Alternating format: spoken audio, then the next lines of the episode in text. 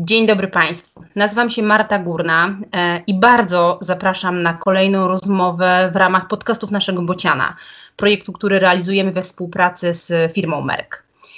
Dzisiejsza rozmowa to rozmowa, na którą bardzo czekacie i o którą prosiliście nas w wielu wiadomościach, które do nas przysyłacie. E, naszym gościem jest immunolog, doktor habilitowany Jarosław Paśnik. E, dzień dobry, panie doktorze. Kłaniam się serdecznie, witam wszystkich. Panie doktorze, kiedy poprosiliśmy naszych słuchaczy o przysyłanie do nas propozycji tematów kolejnych rozmów, pytaliśmy, o czym chcieliby posłuchać, zaskoczyła nas naprawdę bardzo duża ilość próśb o poruszenie tematu immunologii w leczeniu niepłodności. Czy forma naszego układu odpornościowego może mieć istotny wpływ na naszą płodność? Zdecydowanie tak. E, myślę, że mm, lata mm, doświadczeń, obserwacji i lata e, i praktyka wieloletnia leczenia niepłodności pokazuje, że jednym e, z dodatkowych, pewnie nie gdzieś tam na końcu wymienionych powodów zaburzeń e, płodności, niepowodzeń rozrodu, czy też e, występowania, już bardziej szczegółowo mówiąc, nawracających poronień, czy też nawracających utrat ciąż, no bo jak kojarzycie Państwo, na pewno jest różnica pomiędzy poronieniami nawracającymi a nawracającymi utratami ciąż, bo w tej tej drugiej definicji zawiera się, zawierają się także niepowodzenia ciążowe powyżej albo nawet do 28 tygodnia ciąży, tak według profesora Christiansena gdzieś kilka lat temu ta definicja została zdefiniowana i wszystkich tych aspektów y, problemów z utrzymaniem, z rozrodem, ale z utrzymaniem ciąży, wszystkich tych aspektów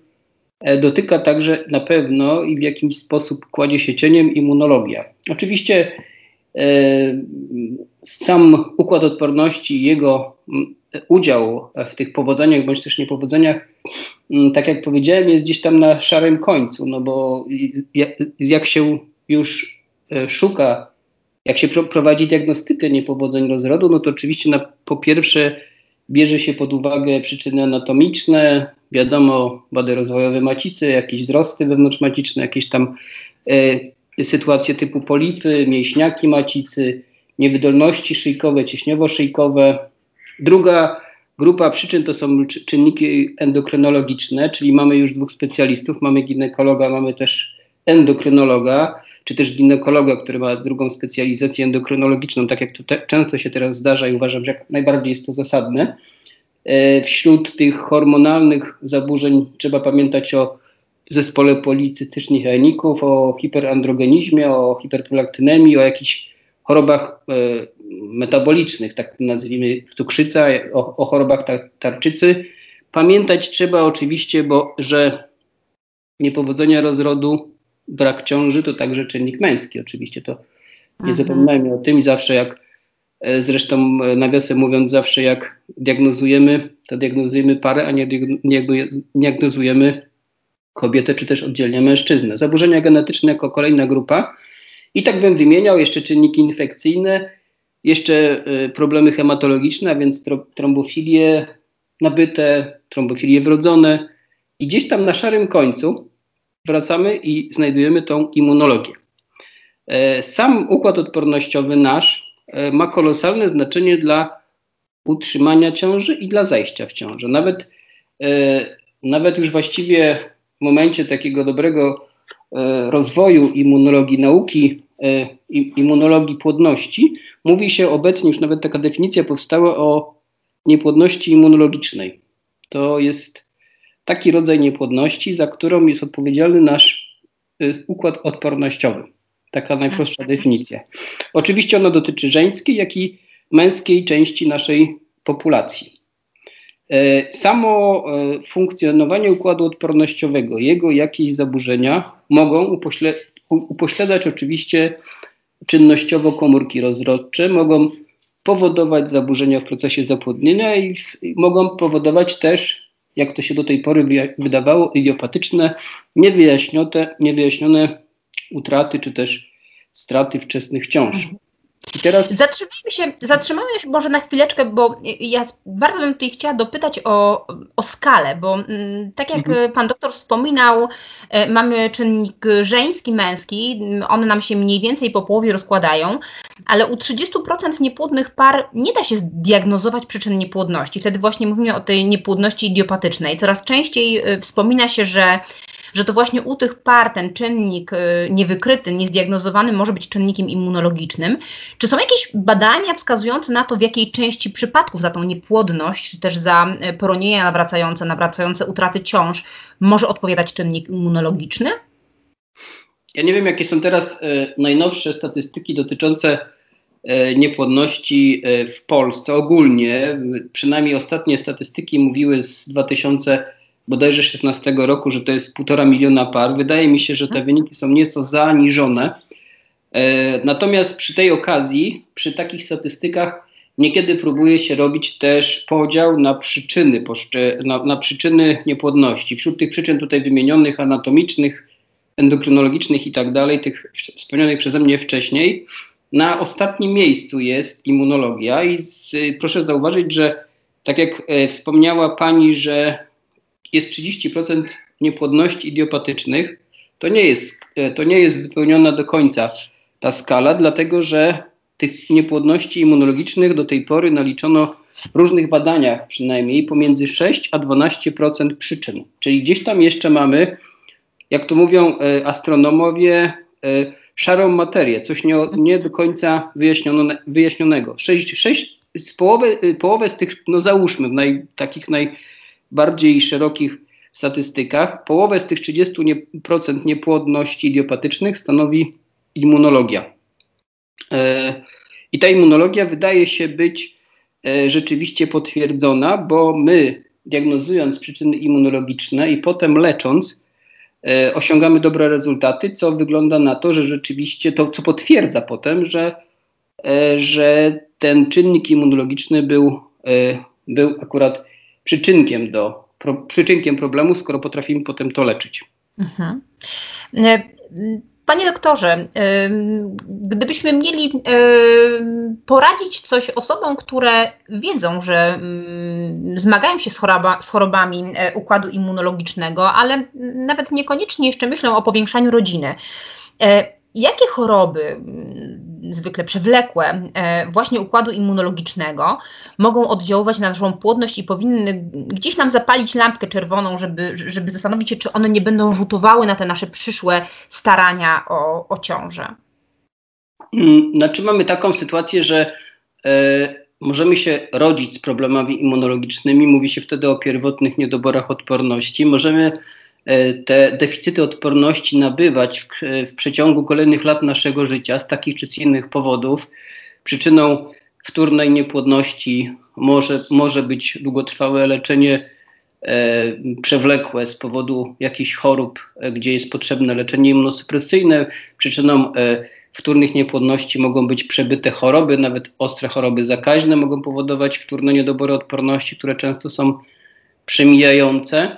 E, przyczyną wtórnych niedoborów odporności mogą być jakieś stany e, po radioterapii, stany e, takie, kiedy pacjent jest po dużych, długotrwałych wysiłkach fizycznych, to zarówno pierwotne, jak i wtórne niedobory odporności już są sygnałem do tego, żeby myśleć o sobie jako potencjalnie mamie, tacie w przyszłości, że tutaj może być problem, że tutaj może być problem z płodnością, ale przede wszystkim e, chciałbym powiedzieć o dwóch rzeczach, o dwóch, o dwóch grupach chorób, e, bardzo silnie się identyfikujących potem z problemami z płodnością. Po pierwsze są to choroby z tak zwanej autoimmunizacji, choroby autoimmunologiczne, potocznie zwane chorobami reumatologicznymi, reumatycznymi.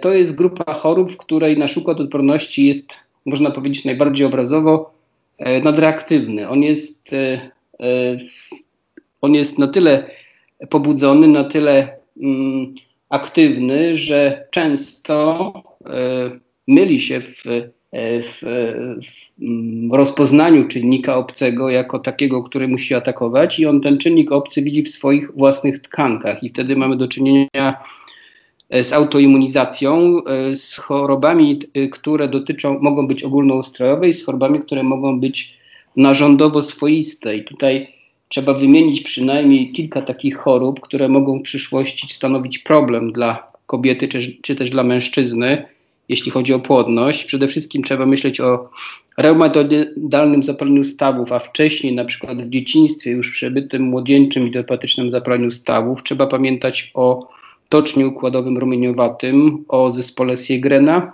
zwanym zespołem suchości, mieszanej tka chorobie tkanki łącznej chociażby. Jeśli chodzi o takie choroby reumatyczne, to, to duża grupa czynników predysponujących do problemów w przyszłości z płodnością. A druga to już choroba dotycząca kobiet, endometrioza.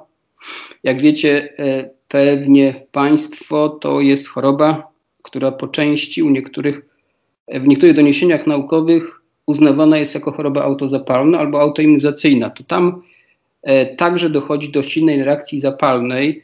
Zapalenie dotyczy często otrzewnej, zapalenie dotyczy często zmian w obrębie otrzewnej, gdzie narasta duża liczba różnych mediatorów zapalnych, gdzie powoduje, gdzie gdzie tworzy się jakiś e, stan e, zapalny z, z promocją komórek zrębów, z aktywacją różnego rodzaju komórek układu odpornościowego, makrofagów, e, limfocytów, neutrofili. Potem to wszystko stara się goić, a to gojenie prowadzi do takiego błędnego koła. Ta endometrioza się nasila bardziej i to jest zarówno oczywiście uznawane jako czynnik E, e, anatomiczny, ginekologiczny, jak i tak, jako czynnik też immunologiczny predysponujący do kłopotów z płodnością w przyszłości. I to są dwie grupy ważne chorób, z którymi trzeba mieć, o, o których trzeba pamiętać. Oczywiście na pewno też trochę cieniem na plany prokreacyjne kładą się choroby przebyte w dzieciństwie, bo tak jak wspomniałem wcześniej, różnego rodzaju choroby autoimmunizacyjne w okresie dorastania, takie jak właśnie młodzieńcze idiopatyczne zapalenie stawów, jak przewlekłe zapalenie błony naczyniowej oka, która może być początkiem innej choroby tocznia układowego, zwłaszcza u dziewcząt w okresie dorastania mogą e, mieć e, takie czynniki rokowniczo złe, jeśli chodzi o płodność w przyszłości. I to jest myślę, że E, dość istotny sygnał, żeby przed planowaniem ciąż takich pacjentów, żeby e, wstępną jakąś już diagnostykę, przymiarkę ze strony układu odporności wykonać, żeby e, uniknąć tych problemów, które w przyszłości mogą, w najbliższej przyszłości, w czasie planowania ciąży mogą się pojawić. Mhm. Zatem kto i kiedy powinien rozważyć konsultację z immunologiem? Oczywiście mówię o pacjentach, którzy, e, którzy diagnozują się w kierunku niepłodności. E, który moment tego diagnozowania e, czy leczenia jest tym, gdzie, gdzie powinniśmy pomyśleć o konsultacji immunologicznej? Mhm, to znaczy, jeżeli byśmy chcieli myśleć o jakichś konsultacjach immunologicznych, to trzeba też na, oczywiście rozróżnić problemy mm, z płodnością. Co innego jest oczywiście brak ciąży w ciągu pierwszych 12 miesięcy starań na przykład i e, co innego są to nawracające czy też nawrotowe poronienia, czyli liczone trzy kolejne utraty ciąż występujące po sobie. To jest taka ta podstawowa e, definicja poronień nawrotowych, nawracających. E, I ten wywiad dotyczący poronień nawyko nawykowych, czy też brak ciąży w ciągu kolejnych 12 cykli starań jest już oczywiście wskazaniem do tego, żeby wraz z inną diagnostyką, która powinna być w tym czasie robiona równolegle, czyli diagnostyka ginekologiczna, andrologiczna, endokrynologiczna czy też infekcyjna, włączyć tak,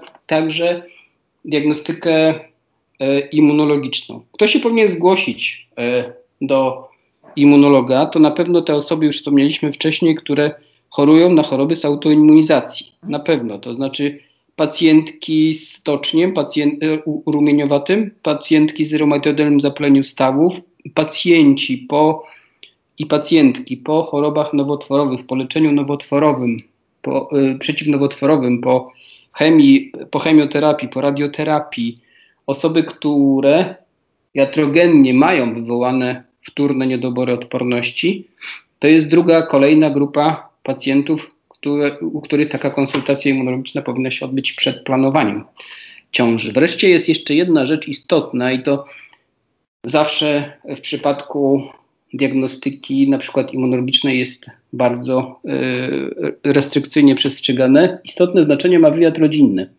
Jeżeli mamy pacjentów, którzy przychodzą do nas z problemami z płodnością, to my zawsze pytamy ich o wywiad rodzinny dotyczący najbliższych, dotyczący mamy, taty, ich chorób autoimmunizacyjnych, problemów mamy, na przykład potencjalnych problemów mamy e, z płodnością, czy też rodzeństwa z płodnością. Pytamy też często o drugą, o babci, babcie i dziadków. Tam też kłopoty wcześniejsze. One oczywiście dzisiaj są trochę trudniejsze do oceny, bo medycyna bardzo idzie do przodu i często te tamte historie są albo zapomniane, albo są nie do końca wyjaśnione dotyczące babci, dziadków i tamtych problemów. E, ale to jest bardzo istotne.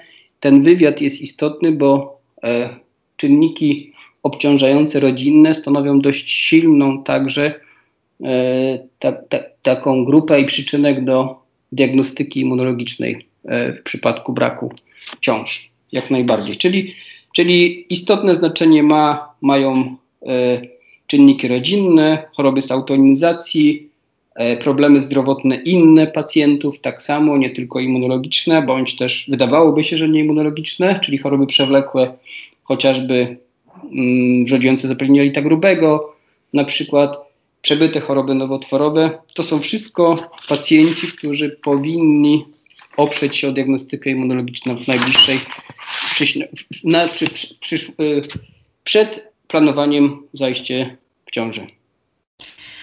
A jak przygotować się do pierwszej wizyty e, u immunologa? Czy warto wykonać wcześniej jakieś badania, czy e, mm, zabrać ze sobą dokumentację z dotychczasowego leczenia? E, jak, jak można do tej wizyty się najlepiej przygotować? Oczywiście trzeba zabrać z sobą dokumentację do, do, dotyczącą dotychczasowych prób, wszelkiego rodzaju wcześniejsze próby, udane, nieudane próby zajścia w ciążę leki brane w czasie ciąży, przygotowanie wcześniejsze do zajścia w ciążę, to ma duże znaczenie, istotne znaczenie w wywiadzie takim prowadzonym przez immunologia, immunologa. Bardzo duże znaczenie ma także ten wywiad rodzinny. Często właśnie pacjentki przygotowując się do, do wi wizyty immunologicznej, gdzieś tam słysząc wcześniej, jak duże znaczenie ma ten wywiad rodzinny, zbierają sobie wiadomości. Często się dopiero wtedy dowiadują różnych trochę trochę zapomnianych, a może trochę ukrytych historii swoich rodziców czy swoich dziadków. To ma wszystko bardzo duże znaczenie e, potem e, dla, przebiegu, do, do, dla dobrego przebiegu wizyty. E, ocena układu odporności to najczęściej jest, e, są to badania immunologiczne. One niestety w naszym kraju nie należą do tanich, a nie należą do tanich chociażby z tego powodu, że rzadko kiedy bywają obecnie jest możliwość prowadzenia ich e, na NFZ, jak to się mówi popularnie, czyli unikając tych dość dużych kosztów i, i trochę jest niebezpiecznie robić badania przed, e, przed wizytą, dlatego że po pierwsze, mówiąc najprościej, szkoda pieniędzy i szkoda krwi także pacjenta, bo nie, nie zawsze te wszystkie badania, które gdzieś tam są usłyszane, E, tutaj ktoś komuś powiedział, gdzieś na forum znaleziono taką listę badań, no to taką listę badań robimy. E, nie zawsze one wszystkie są potrzebne. Tak jak się e, teraz dzieje na świecie, w wielu dziedzinach medycyny, w onkologii, w reumatologii, także w immunologii niepłodności ma znaczenie personalizacja leczenia. To znaczy każdy pacjent jest inny i każdy pacjent przychodząc ze swoją historią E, do immunologa, to tak naprawdę dopiero pisze skierowanie na poszczególne badania. Swoją historią opowiedzianą w czasie wizyty u immunologa. Co innego jest, e, e, jeśli chodzi o planowanie diagnostyki u pacjenta, który przychodzi i mówi, że pacjenta, pa, pary, która stara się o ciążę, i co innego jest, e, jeśli chodzi o ustawienie e, badań diagnostycznych u takiej pary, gdzie nigdy nie było ciąży, kiedy jedno z tych, jedno jedno z tych partnerów cierpi na chorobę jakąś przewlekłą, a co innego jest inny tryb diagnostyczny, do inny, inny szlak prowadzony jest wtedy, kiedy przychodzi para, która traci 3-4 ciąże w pierwszym trymestrze jej trwania w 6-8 tygodniu. Zupełnie zakres tych badań się od siebie różni. Także wydaje się, że e, nie ma sensu ustalać jakiegoś schematu, nawet badań podstawowych, bez pierwszej wizyty, bez zebrania dobrego wywiadu i opisania całej historii starań, które do tej pory tej pary, danej pary zaistniały i które doprowadziły e, tą parę do gabinetu immunologa. Czyli rozumiem, że przed tą pierwszą wizytą, zamiast robić badania na własną rękę, e, o których wyczytaliśmy w internecie, tak. E, lepiej przygotować dotychczasową dokumentację i zebrać solidny wywiad rodzinny. Zastanowić się, dlaczego babcia miała tylko jedno dziecko, albo dlaczego pomiędzy pierwszym a drugim y, minęło 9 lat, zanim się urodziły, prawda? Jak najbardziej słusznie. Oczywiście są, y, są albo były, a teraz nie ma, bo nie ma programu, na przykład były takie kliniki leczenia niepłodności, y, one były w ostatnich kilku latach powstawały w naszym kraju. Część z nas, część z tych klinik, z tego co wiem, teraz już e, straciła fundusze, już te, te, kliniki dalej nie istnieją, leczenia, nie, leczenia niepłodności i w tam tych klinikach e, też tak jakiś tam mały procent, ale stanowiła także e, taka diagnostyka, popularnie mówiąc, robiona na NFZ, diagnostyka immunologiczna i w tej diagnostyce uwzględniano przede wszystkim autoprzeciwciała, czyli robiono przeciwciała przeciwjądrowe już w standardzie bez wywiadu wcześniejszego, przeciwciała przeciwjądrowe i na tym ta diagnostyka się kończyła. Część jeszcze klinik miała w swoim e, arsenale badań diagnostycznych także e, badanie oceny takiego statusu immunologicznego odporności komórkowej, bo robiono e, subpopulację limfocytów. I to, I to było wszystko. Dzisiaj bym nie powiedział, że na pewno to były naj, najcelniejsze i najtrafniejsze, najbardziej trafne te dwa wybrane badania. Oczywiście y, tak, tak wąski zakres tych badań wynikał z funduszy, bo y, gro, y, gro diagnostyki oczywiście dotyczyło przede wszystkim endokrynologicznych przyczyn, przyczyn anatomicznych, ginekologicznych i tak. To było słuszne. Natomiast te dwa badania niekoniecznie były akurat najbardziej trafione, robione jako w ciemno w przypadku mhm. E, wstępnej diagnostyki e, układu odporności.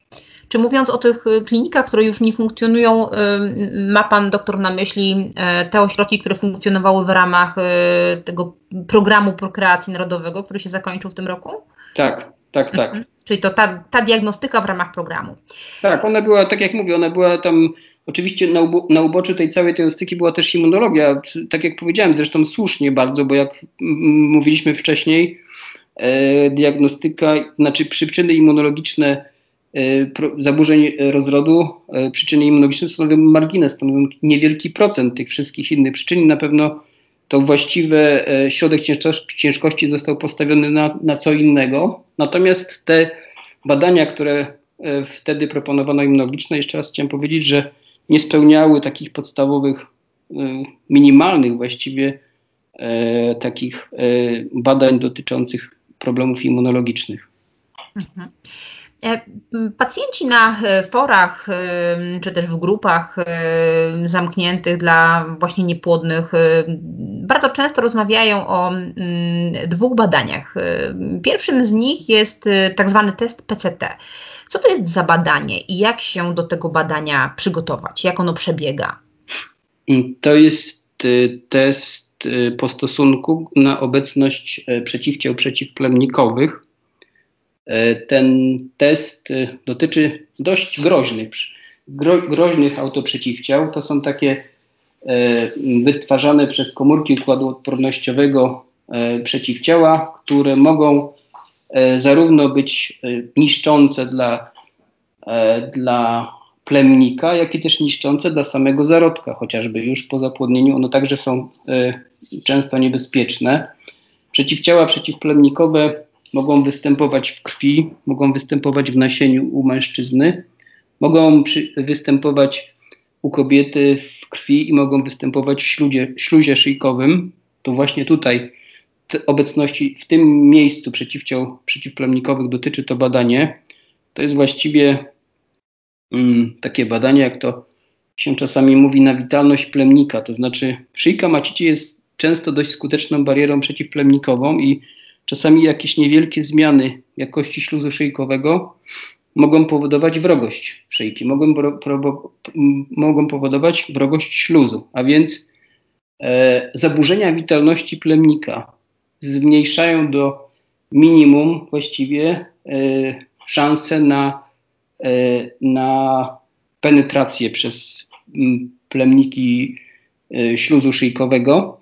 One m, mogą ingerować w wywiązanie plemników i ich penetrację do warstwy przejrzystej ocytu i właściwie mogą być powodem niepłodności. Kiedyś robiono takie badania w 2004 roku w ośrodku w Poznaniu przy, mm, przy bardzo dużej pracy pana profesora Kurpisza z Poznania, gdzie, występ, gdzie stwierdzono, że występowanie tych przeciwciał przeciwplemnikowych w szyjce, w śluzie szyjkowym może to powodować nawet do 30 paru procent niepłodności. E, to jest trochę inaczej, e, jeśli chodzi o kobiety i mężczyznę, obecność przeciwciał przeciwplemnikowych, jak u, u, u, u partnerów męskich mamy dodatnie przeciwciała przeciwplemnikowe, to nie jest to stuprocentowa niepłodność. U 20 paru procent e, tych mężczyzn dochodzić może do niepłodności, natomiast u kobiet, jeżeli mamy te przeciwciała przeciwplemnikowe w śluzie szyjkowym, kiedy mamy ten test E, wrogości śluzu e, y, jako wynik dodatni, e, to wtedy ta niepłodność dotyczyć może 23-25% pacjentów. To jest test dość jednak ostatnio taki, jego przydatność diagnostyczna jest ostatnio coraz, coraz częściej podważana, bo to jest test, który wymaga pewnych warunków, odpowiednich warunków wykonania i nie zawsze się okazuje być E, wynik badania tego testu nie zawsze się okazuje być miarodajny. Także jeden z testów, który należy zrobić, on oczywiście e, jest szczególnie istotny w przypadku, kiedy e, staramy, kiedy mamy wszystkie, że tak powiem, inne czynniki, czy to anatomiczne, czy to endokrinologiczne, wykluczone i mamy dalej jak najbardziej myśleć o staraniach naturalnych zajścia w ciążę. To ten test często jest takim rozstrzygającym, chociaż on dopełnieniem tego testu oczywiście wtedy jest obecność przeciwciał przeciwplemnikowych często w krwi u kobiety, czy czasami też w krwi, czy też w nasieniu mężczyzny. A co to znaczy, że ten test jest testem po stosunku? Czy para powinna się zjawić na badaniu w jakimś określonym czasie właśnie po odbyciu stosunku płciowego? Tak, tak, tak. On powinien być, y, mm, on jest najczęściej, oczywiście te, też pewne warunki ze strony y, kobiety powinny być y, zachowane, bo ten test się robi na e, zazwyczaj 15-16 dni mniej więcej przed oczekiwanym początkiem następnej miesiączki po e, stosunku i on potem może być ten test już po pobraniu materiału, ocenia się żywotność plemników, progresywne poruszanie się, mobilność progresywną plemników w ciągu na początku po, po, po, po, pobraniu materiału i nawet do 48 godzin po pobraniu tego materiału. Dalszą, dalej tą możliwość plemników się ocenia. Robi się to często pod mikroskopem, robi się to często w takich warunkach, kiedy mikroskop musi mieć odpowiednie parametry. Robi się 400 chyba bodajże 400-krotne powiększenie ocenia się e, poruszające się plemniki. E, wtedy, kiedy chociaż jeden plemnik po tym, e, pod tym mikroskopem się porusza, ten wynik jest obiecujący, bo jest mhm. ciągle jeszcze dający szansę. Mhm. E, I takie kolejne e, badanie, o którym coraz więcej czytamy, dotyczy owianych niedobrą sławą komórek NK. Co to są za komórki i czy one zawsze są odpowiedzialne tylko za tą złą robotę, czy one, czy one jednak może do czegoś są potrzebne? To są takie komórki, które się nazywa naturalnymi zabójcami, z angielska komórki natural killers. I to są krwinki, które wchodzą w skład e, e, linii białokrwinkowej, e, leukocytów. Jest ich niewiele bardzo w krwi, nawet to zauważcie Państwo, że w krwi, w morfologii podstawowej krwi nie, nie, nie opisywane są te komórki NK, bo jest ich znikoma ilość. Natomiast takim bardziej, bardziej szczegółowym badaniu, gdzie się ocenia subpopulację limfocytów, poszczególne krwinki białe, to tam one mają swoje miejsce, ocenia się ich procentową liczbę Yy, można też liczbę bezwzględną tych komórek ocenić i to się ocenia w krwi. Natomiast to są takie komórki, e, które są w endometrium. I tak się składa, że akurat w endometrium, w tym mikrośrodowisku, do którego dociera zarodek, gdzie on ma się implantować, gdzie oczekuje oczywiście pomocy od środowiska, w którym się znalazł, te komórki NK, tam już trochę inne, nieco inne, jeśli chodzi o funkcjonalność niż te same komórki NK opisywane w krwi. Tam, gdzie ten zarodek dociera do endometrium, to te komórki NK, naturalni zabójcy, tak zwane maciczne komórki e, naturalni zabójcy, mogą zarodkowi e, w endometrium ułatwić zagnieżdżenie, mogą mu też niestety nie sprzyjać przy procesie zagnieżdżenia. E, to nie do końca jest ich widzimy się, że tak powiem, co robią te maciczne komórki NK z zarodkiem, dlatego że E, zanim cokolwiek zrobią z zarodkiem, to muszą utrzymać przynajmniej dwa sygnały od receptorów, które się nazywają KIR i od e, samego zarodka. Na zarodku są antygeny, które pochodzą od komórki męskiej, od partnera, antygeny klasy e, HLA-C.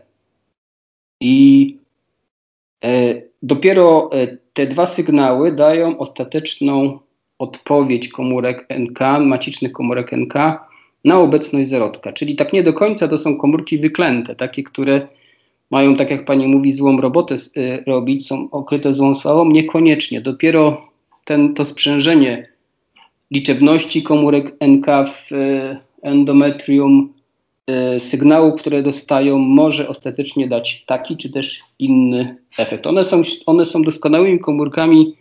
Dobrze, że je mamy w ogóle w naszym ustroju, bo one są komórkami, które potrafią świetnie rozpoznawać obce komórki, zwłaszcza nowotworowe, zwłaszcza komórki zakażone wirusem, także mają swoje niepośrednią swoją rolę w odporności naszej. Natomiast nie zawsze się sprawdzają te komórki maciczne NK, jeśli chodzi o pomoc w implantacji zarodkowej.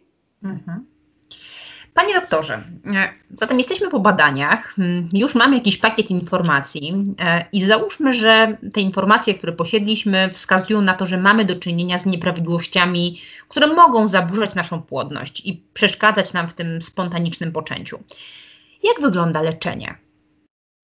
Wszystko zależy też, e, jeśli chodzi o możliwości leczenia immunologicznego, wiele zależy od tego, w którym kierunku ta diagnostyka poszła i co myśmy znaleźli, jeśli chodzi o przyczyny immunologiczne e, niepowodzeń rozrodu. Mamy, z grubsza dzieli się te przyczyny e, immunologiczne niepowodzeń rozrodu na autoimmunologiczne i alloimmunologiczne, takie trudne słowa. Autoimmunologiczne to są takie, kiedy uszkodzeniu ulega zarodek, bo mamy na przykład obecne przeciwciała, autoprzeciwciała w ustroju, takie jak przeciwciała przeciwjądrowe, przeciwplemnikowe wspomniane wcześniej przeze mnie, czy też przeciwchorzyskowe, a mamy też do czynienia z kolei dużą grupą przyczyn alloimmunologicznych, kiedy, kiedy nie, nie zachodzimy w ciąży, bądź też tracimy ciążę z tego powodu, że mamy jakieś czynniki, które powodują brak zagnieżdżenia zarodka, bo powodują trochę jego, jakby to powiedzieć, odrzucenie, tak jak to się czasami porównuje do przeszczepów.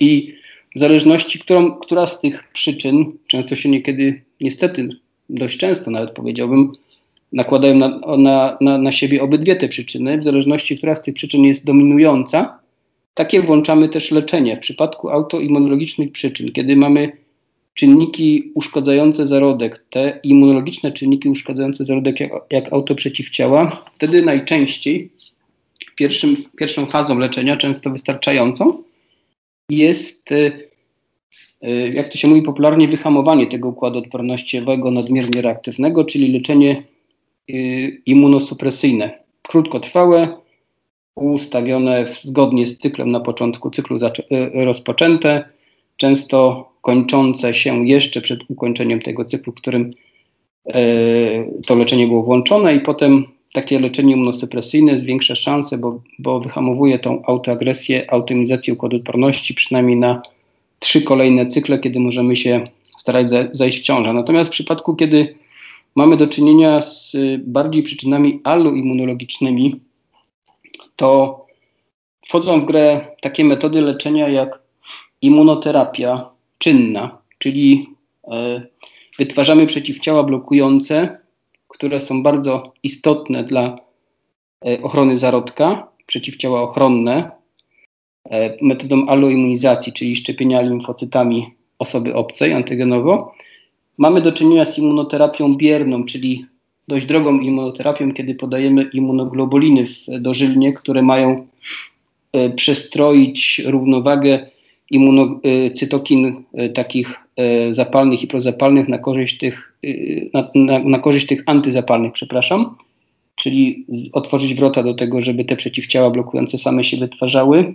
M mamy też możliwości leczenia tego niekorzystnego układu Y, komórek macicznych NK i, i niekorzystnych kirów, brak kirów, które by naprowadzały komórki NK pomo na pomoc zarodkowi. Wtedy mamy do możliwość leczenia poprzez, poprzez zastępowanie komórek NK w endometrium innymi krwinkami białymi, granulocytami, przez włączenie leczenia, które będzie zwiększało pulę granulocytów w, morfologii w krwi obwodowej. Przez to te komórki będą penetrować do endometrium i będą zarodkowi pomagać. Także tych metod jest kilka, w zależności oczywiście od rozpoznanej przyczyny mm, niepłodności. Mhm. No i teraz pacjentka wychodzi z zaleceniami, e, z ustawionym leczeniem, wraca do ginekologa, mm, zwykle, który mm, diagnozuje i, prowadzi leczenie niepłodności. I zdarza się, że pojawia się problem, dlatego że mm, coraz więcej y, ginekologów przygotowujących pacjentki do in vitro współpracuje z immunologami, jednak y, wielu jest takich, którzy do tej terapii immunologicznej podchodzą z dużą ostrożnością, tłumacząc swoją postawę brakiem udokumentowanego wpływu na leczenie niepłodności tychże terapii. Rzeczywiście część towarzystw naukowych zajmujących się leczeniem niepłodności oznacza te terapie immunologiczne czerwonym światłem jako nie mające przełożenia na ilość żywych urodzeń. Czy są jednoznaczne wyniki badań, panie doktorze, które potwierdzają skuteczność tych terapii? Czy, mm, czy, my możemy udokumentować to, że ta, że ta terapia działa faktycznie? Tak, no znaczy y, oczywiście e, te towarzystwa, które oznaczają czerwonym światełkiem te terapie immunologiczne, to są wszystkie poza towarzystw, Polskim Towarzystwem Immunologii Doświadczalnej i Klinicznej, która wręcz robi odwrotnie. Tutaj jest pewnie mm, cały czas szwankuje brak koordynacji, współpracy pomiędzy poszczególnymi specjalizantami, specjaliza, specjalizacjami. E, ta współpraca jest, znaczy nie należy y, by mieć jakiejś czarnej wizji, dlatego że ta współpraca się cały czas rozwija i coraz więcej ośrodków tak zaczyna szanować te zalecenia immunologiczne. Ja rozumiem oczywiście, jak najbardziej rozumiem e, te, mm, e, te takie, może nie, nie, nie to niechęcią, ale takie sceptyczne podejście ginekologów do wskazań do leczenia immunologicznego. E, zawsze trzeba oczywiście rozważyć, włącza, myśląc o leczeniu, e, leczeniu immunologicznym, o, pisząc o zaleceniach e, immunologicznych dla pacjentki i kierując ją z powrotem do tego gabinetu ginekologicznego, trzeba pamiętać, żeby to leczenie, które jest proponowane przez immunologa, nie wchodziło w jakieś interakcje z leczeniem lekami w trakcie na przykład stymulacji, Wiadomo, że pewne leki immunologiczne nie należy łączyć z cytrynianem klomifenu na przykład, czy tam z inhibitorami aromatazy, które są stosowane e, u pacjentów. U pacjentek przy na przykład przy indukcji jajeczkowania to te leki są dość często kłócą się z sobą.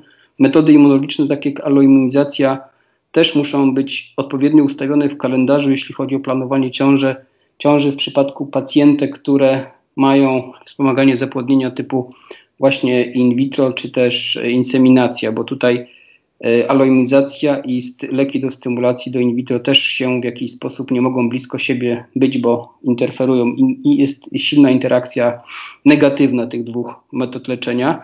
Także ja to jak najbardziej rozumiem. Natomiast jeśli chodzi o e, e, wiedzę naukową, którą, którą my się opieramy, na której my się opieramy w przypadku e, proponowanych metod leczenia E, i, i, i immunologicznych przyczyn niepłodności, to oczywiście dwie, dwie najważniejsze, dwa najważniejsze źródła to jest baza Medline, która już funkcjonuje właściwie w wersji tej elektronicznej już od momentu powstania internetu, a wcześniej wiele, wiele lat w, w Centralnej Bibliotece mm, Ameryka, Amerykańskiej w Waszyngtonie, czy też druga bardzo ważna baza, która,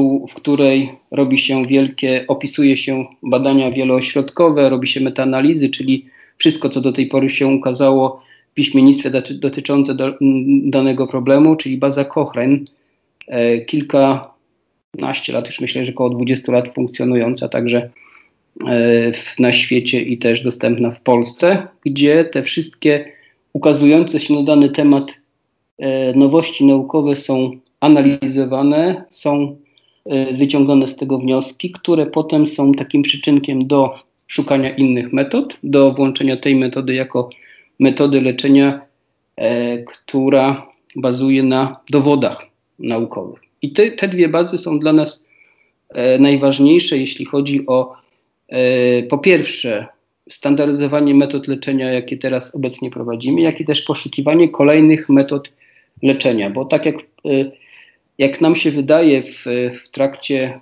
e, wielu lat pracy, My ciągle jeszcze wydaje się, że niewiele wiemy, jeśli chodzi o mechanizmy funkcjonujące e, w immunologii płodności. Nie wiem, czy, czy, czy nie, nie popełnię błędu, ale wydaje mi się, że więcej ciągle jeszcze nie wiemy niż wiemy, jeśli chodzi o immunologię rozrodu.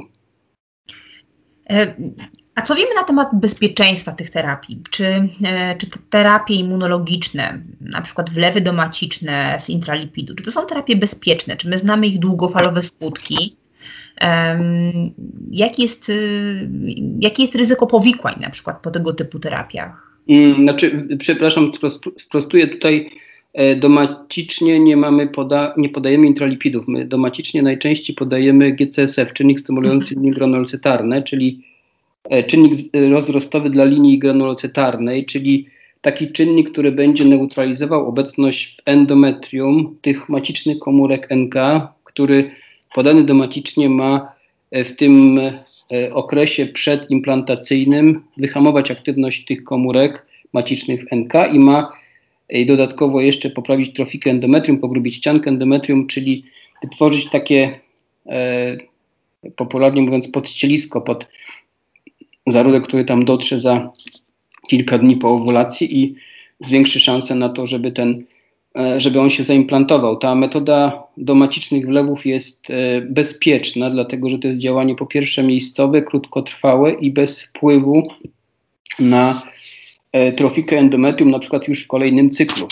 Mhm. Absolutnie nie ma to jakiegoś dalekosiężnego mm, złego skutku przypadku tej metody. Intralipid jest lekiem, właściwie nie jest lekiem, to jest składnik żywienia pozalitowego, to są lipidy, które są podawane do, z kolei do żylnie u pacjentek e, e, przed e, owulacją, czy też przed e, wspomaganiem zapłodnienia i one mają e, poprawić z kolei metabolizm komórek NK e, dość dużych liczebnie, zwykle wtedy wcześniej zbadanych w endometrium przed samym zapłodnieniem. To jest metoda też skuteczna całkowicie, składnik żywienia pozolitowego, nie lek, a więc taka forma e, leczenia, gdzie e, właściwie ryzyka jakiegoś e, objawów ubocznych nie ma, poza tym, że, że pacjenci są, wykazują na przykład alergię na soję, bo to jest preparat sojowy. A tak to nie ma żadnych jakichś innych niekorzystnych działań. Jeżeli myślimy o leczeniu immunosupresyjnym na przykład, to też to leczenie immunosupresyjne jest o tyle wyważone, że ono jest w niewielkich dawkach, jest krótkotrwałe, e, jest e, ustawione zgodnie z kalendarzem, jeśli chodzi o cykl. I tutaj też poza faktem oczywiście zwiększonej nieco podatności na infekcje w danym okresie, w okresie leczenia, zwłaszcza immunosupresyjnego, to żadnych innych objawów ubocznych też w tej sytuacji nie notujemy, nie obserwuje się, nie, nie, pisze, nie opisuje się takich objawów przy, na, w badaniach naukowych na świecie. Mhm. Wspomniał Pan e, doktor o szczepieniach e, limfocytami partnera. Większość miejsc, gdzie możemy chociażby w sieci poczytać o terapiach immunologicznych, mm, ostrzega o dużym ryzyku towarzyszącym tej terapii. Znalazłam nawet takie informacje dotyczące tego, że są państwa, w których taka terapia jest zupełnie zabroniona. Mm, takim państwem są na przykład Stany Zjednoczone. Mm, dlaczego ta terapia jest niebezpieczna i czy rzeczywiście jest niebezpieczna?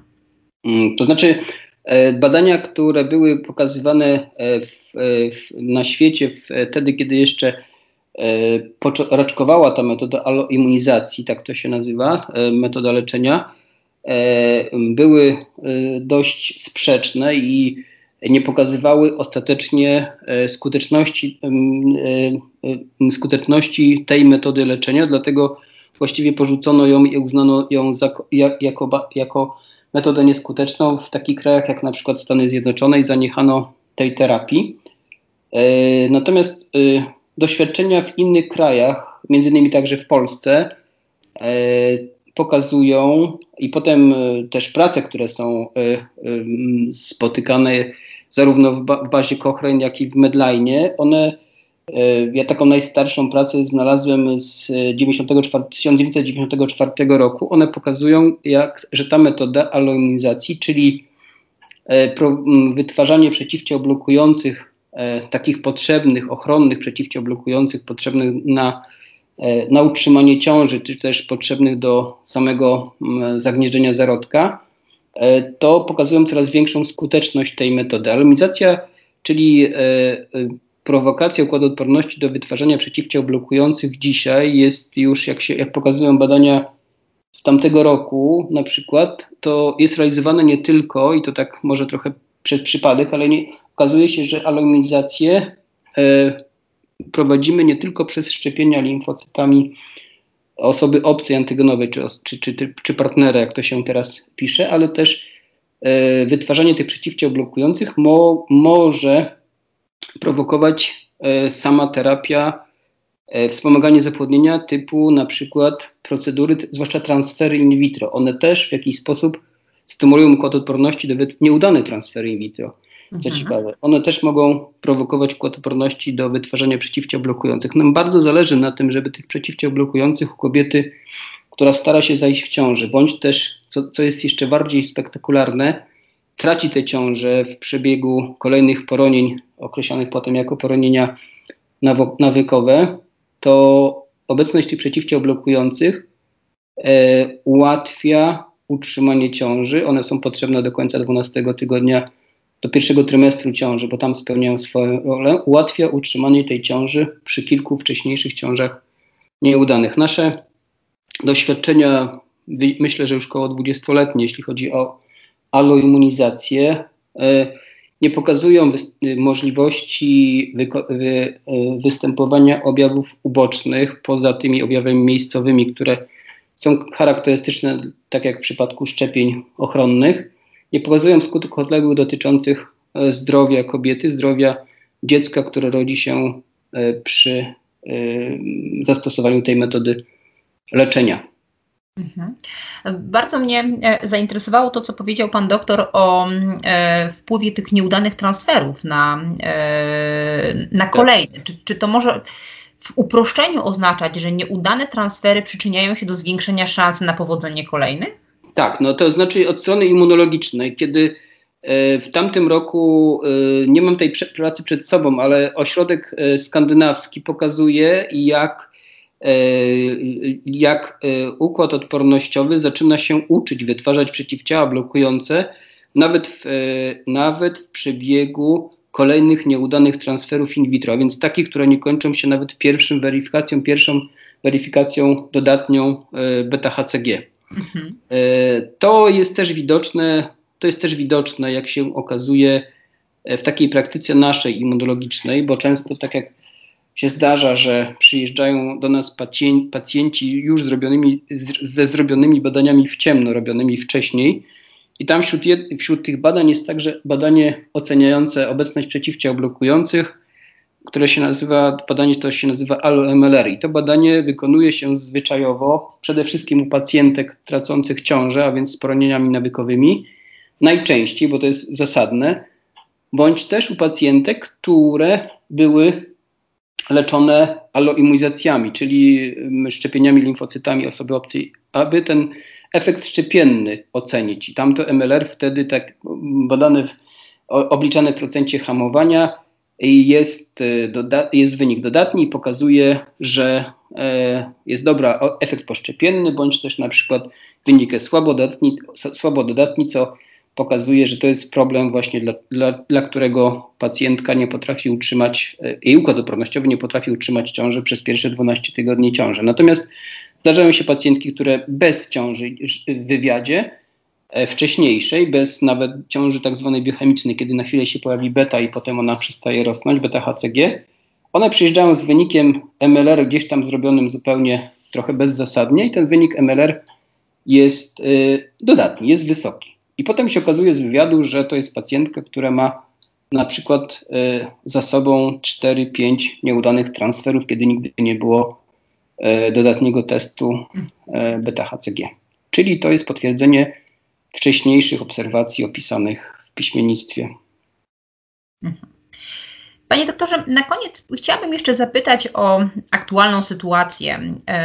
Czy w okresie pandemii, e, dużego zagrożenia zachorowania na COVID, e, powinniśmy odłożyć leczenie immunologiczne na później? Czy, czy ta sytuacja pandemiczna stwarza jakieś dodatkowe ryzyko stosowania immunoterapii? Mm, mamy taką sytuację, że y, mamy y, dużą, dużą zakaźność wirusem, zwłaszcza ten wirus Mm, dotyka takich osób, właściwie on już właściwie bez, e, bez wyboru wszystkich trafia, natomiast większą podatność na złapanie takiego zakażenia mają osoby z, e, z zaburzeniami odporności. Jeżeli mamy, e, mamy problem z zajściem w ciążę, jeżeli z jedną z metod leczenia jest immunosupresja, to oczywiście musimy się głęboko zastanowić, czy, czy jest ona możliwa do realizowania w obecnej dobie, w dobie koronawirusa albo jak ją pogodzić, to teraz już no, nowa, nowy temat właściwie, jak ją pogodzić tą planowaną immunosupresją, immunosupresję z kalendarzem szczepienia, które nas czeka na, mhm. przeciwko temu wirusowi. E, I wtedy oczywiście to jest duży problem. Te, ta metoda leczenia immunosupresyjnego nie jest tak po prostu zamknięta na ten czas, nie możemy nic robić e, w pewnych warunkach, to znaczy w warunkach izolacji. Oczywiście pacjentka taka w tym czasie brania leków immunosupresyjnych raczej powinna unikać dużych skupisk ludzkich. Bardzo często idą ci pacjent, te pacjentki idą na zwolnienie z pracy.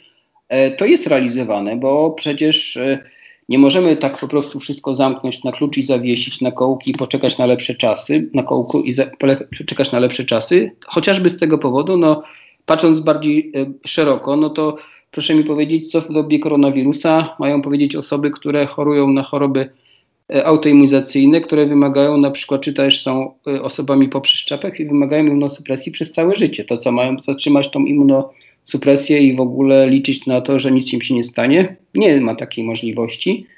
Mamy doświadczenia e, dotyczące leczenia e, immunosupresyjnego dzieci, osoby dorosłe, które sobie radzą z tą E, z tym koronawirusem. Oczywiście te warunki, te, te, te sposoby zabezpieczenia się, e, unikania dużych skupisk ludzkich, zwłaszcza istotne są u tych pacjentów, natomiast ta terapia immunosupresyjna jest jak najbardziej realizowana i myślę, że w przypadku pacjentek, które, jak to mówią często, mm, zegartyka, mam mało czasu i tak dalej, muszę w jakieś leczenie włączyć, to jest to jest jak najbardziej zasadne, żeby także to leczenie w tym czasie prowadzić. My mamy doświadczenia z leczeniem immunosupresyjnym długie, e, daleko e, większe, większą depresję układu odporności uzyskujemy wtedy, kiedy byśmy musieli większe dawki leków immunosupresyjnych włączać, kiedy na przykład glikokortykosterydy, które najczęściej w,